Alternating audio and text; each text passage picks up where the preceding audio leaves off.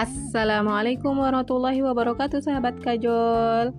Alhamdulillahirrahmanirrahim Akhirnya kita mau bahas tentang uh, Ditentang tapi ditakuti. Teman-teman uh, Dua kisah yang kemarin aku ceritakan ya Tentang Bilal bin Rabah dan Musa bin Umair. Beliau berdua itu sahabat Nabi SAW. Nah, kisah tersebut ya mewakili gambaran keimanan para sahabat sekaligus kondisi dakwah di Makkah saat itu. Secara umum ya, fragmen kehidupan masa sebelum Islam datang, sebelum Rasulullah SAW mengenalkan Islam kepada penduduk Makkah, perilaku dan cara beribadah orang-orang Makkah mengikuti perilaku nenek moyang mereka Tradisi ini udah berlangsung berpuluh-puluh-puluh tahun lamanya dan nggak ada yang menggugat. Kemudian ya, perilaku dan tradisi itu ditegur oleh seseorang, seorang pemuda yang diangkat sebagai nabi dan rasul. Beliaulah Muhammad Shallallahu Alaihi Wasallam. Pasti dong, kalau yang namanya sudah tradisi berpuluh-puluh tahun ditentang, ya bakalan marah. Nah, itulah reaksi yang terjadi dari para pemuka suku Quraisy. Kalau kita pernah membaca ya sejarahnya, gimana tentangan orang-orang Quraisy terhadap dakwah Rasulullah SAW dan sahabatnya. Tapi meski mereka menentang risalah yang disampaikan Rasulullah SAW, sebenarnya akal pikiran mereka enggak memungkiri bahwa apa yang disampaikan Muhammad itu benar, logis dan masuk akal.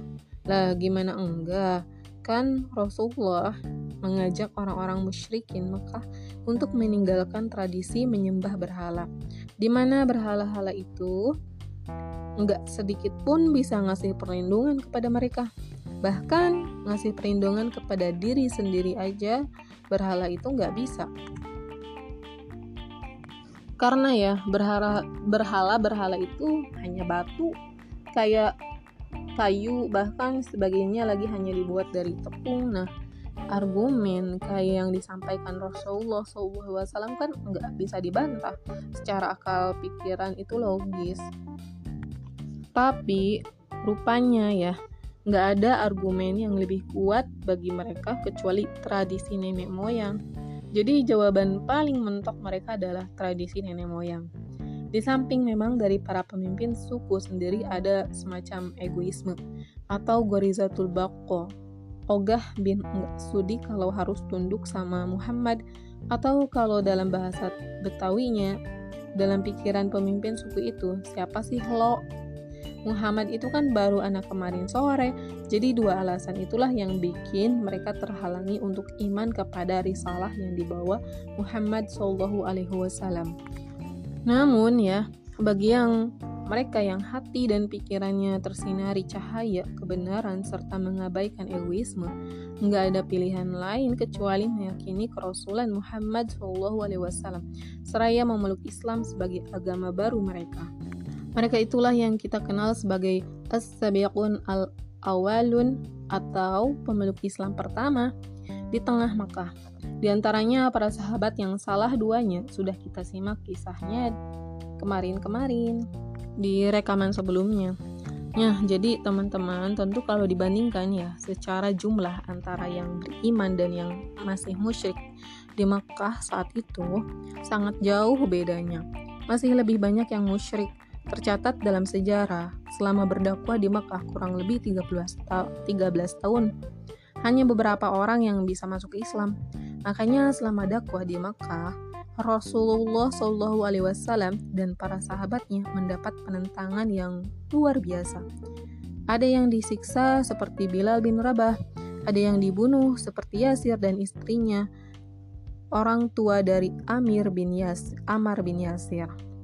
Rasulullah Shallallahu Alaihi Wasallam sendiri juga enggak luput dari ejekan, umpatan, dilempari kotoran, ontak diinjak lehernya sampai hampir dibunuh sebelum akhirnya hijrah ke Madinah.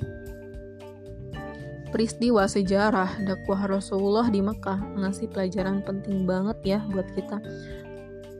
Kira-kira apa ya pelajaran dakwahnya?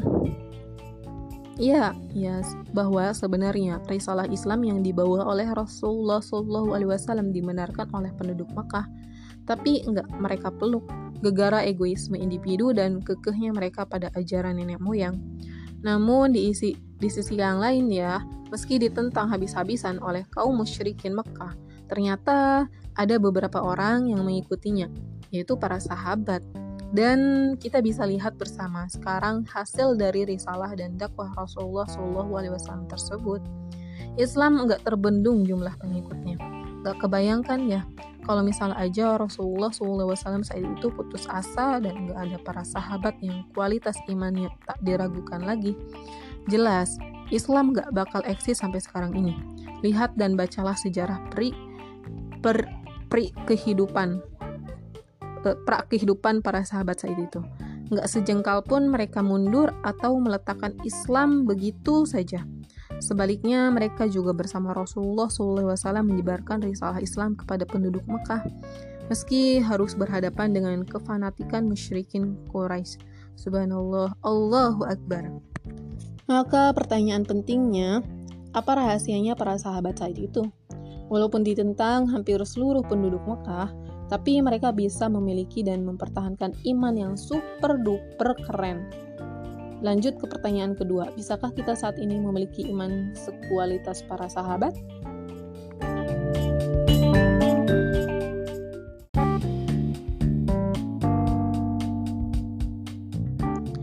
Nah, di rekaman sebelumnya kan itu ten, uh, ada pertanyaan-pertanyaan yang muncul ya.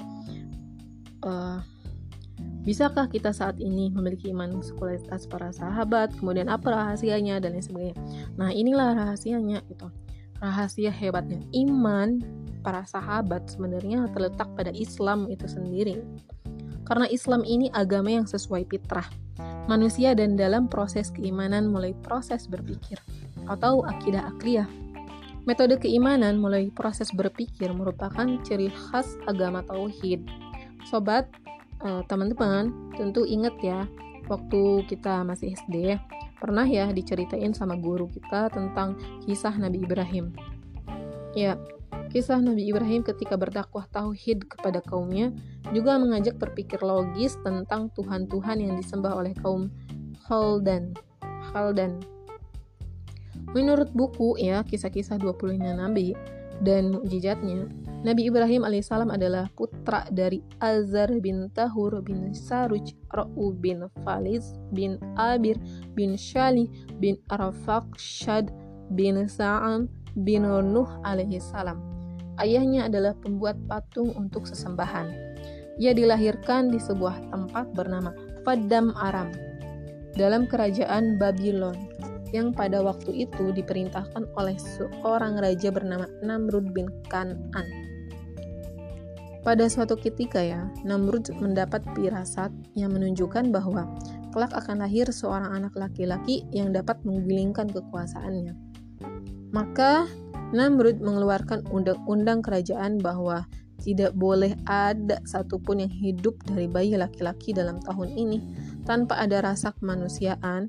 Semua bayi laki-laki yang baru saja lahir langsung dibunuh. Ketika Nabi Ibrahim dilahirkan, ayahnya tidak kuasa untuk membunuh anaknya. Nabi Ibrahim kemudian dibuang saja oleh ayahnya ke dalam hutan dengan anggapan Nabi Ibrahim bakal mati juga dimakan binatang buas. Tetapi kehendak Allah di luar kemampuan akal manusia. Nabi Ibrahim dalam penjagaan Allah sehingga tak satu pun binatang buas yang berada di dalam hutan mengganggu atau memakannya. Setelah selang beberapa lama kemudian, Ayah beserta ibunya mencoba menengok anaknya di gua, tempat Nabi Ibrahim disembunyikan. Selama satu tahun, Nabi Ibrahim tinggal di dalam gua. Setelah umur Nabi Ibrahim satu tahun, orang tuanya membawa Nabi Ibrahim pulang ke rumah. Karena masa pemberlakuan undang-undang telah berakhir. Semakin hari, Nabi Ibrahim semakin dewasa. Kemudian, ia pun mulai bertanya kepada orang tuanya, siapa yang menciptakan alam? Wahai ibu dan ayahku, siapa yang telah menjadikan aku ini? Jawab ayahnya, ayah dan ibu yang menjadikan kamu, karena kamu lahir disebabkan kami. Kemudian Nabi Ibrahim bertanya lagi, dan siapa pula yang menjadikan ayah dan ibu? Jawab orang tuanya, ya kakek dan nenekmu. Demikian tanya jawab seterusnya sampai ke titik puncak. Nabi Ibrahim menyatakan, siapakah orang pertama yang menjadikan semua ini? Maka orang tuanya tidak bisa menjawab, karena mereka tidak tahu kepada Tuhan. Ibrahim kemudian bertanya kepada orang lain, namun mereka semua tidak bisa menjawab. Nabi Ibrahim kemudian menggunakan akal dan pikirannya untuk mencari Tuhan Sang Pencipta alam semesta ini. Karena akal manusia itu kan sangat terbatas ya. Nabi Ibrahim itu gagal untuk mengetahui siapa sebenarnya yang telah menciptakan alam semesta ini. Firman Allah Subhanahu wa taala, ketika hari telah malam, Ibrahim melihat bintang. Katanya, "Inilah Tuhanku." Maka setelah dilihatnya bintang terbenam, ia berkata, saya tidak akan bertuhan pada yang terbenam. Kemudian ketika melihat bulan purnama, ia pun berkata lagi, Inilah Tuhanku. Setelah bulan itu lenyap, lenyap pula pendapatnya, bertuhan kepada bulan itu. Seraya berkata, sungguh kalau tidak Tuhan yang memberi petunjuk, tentu saya menjadi sesat. Maka ketika siang hari, nampak olehnya matahari yang sangat terang. Ia pun berkata, inikah Tuhanku yang sebenarnya? Inilah yang lebih besar. Setelah matahari terbenam, ia pun berkata, Hai kaumku, saya tidak mau mempersekutukan Tuhan seperti kamu. Saya hanya bertuhan yang menjadikan langit dan bumi dengan ikhlas dan sekali-kali saya tidak mau menyekutukannya. Quran Surat Al-An'am ayat 76 sampai dengan 79. Itulah ya sejarah singkat e, cara Nabi Ibrahim alaihissalam mencari Tuhan dengan menggunakan proses berpikir, dengan memperhatikan alam sekitarnya, dan cara berpikir atau menggunakan akal pikiran itulah yang juga diajarkan kepada kaumnya. Nah, demikian juga Rasulullah Shallallahu Alaihi Wasallam. Demikian juga ya risalah Islam yang dibawa Rasulullah untuk bisa melalui proses keimanan, ya harus melalui proses berpikir. Proses berpikir yang dimaksud di sini bisa dilihat dari seruan Allah Subhanahu wa taala dalam firman-Nya Bismillahirrahmanirrahim. Ardi wa ikhtilafil laili wan nahari la ayatin li ulil albab. Sesungguhnya dalam penciptaan langit dan bumi dan silih bergantinya malam dan siang terdapat tanda-tanda bagi orang-orang yang berakal. Quran Surat Al-Imran ayat 190 Kemudian ada lagi dalam surat Ar-Rum ayat 22 ومن آياته خلق السماوات والأرض واختلاف ألسنتكم وألوانكم إن في ذلك لآيات للعالمين Dan di antara tanda-tanda kekuasaannya ialah menciptakan langit dan bumi dan berlain-lain bahasamu dan warna kulitmu Sesungguhnya pada yang demikian itu benar-benar terdapat tanda-tanda bagi orang-orang yang mengetahui. Quran Surat Ar-Rum ayat 22 Ada lagi nih dalam Quran Surat Al-Baqarah ayat 164 Bunyinya seperti ini. Inna fi khalaqis samawati wal ardi wa ikhtilafil laili wan nahari wal fulki allati tajri fil bahri bima yanfa'un nas بما ينفع الناس وما أنزل الله من السماء من ماء فأحيا به الأرض. به الأرض بعد موتها وبث فيها من كل دابة وتسريف الرياح.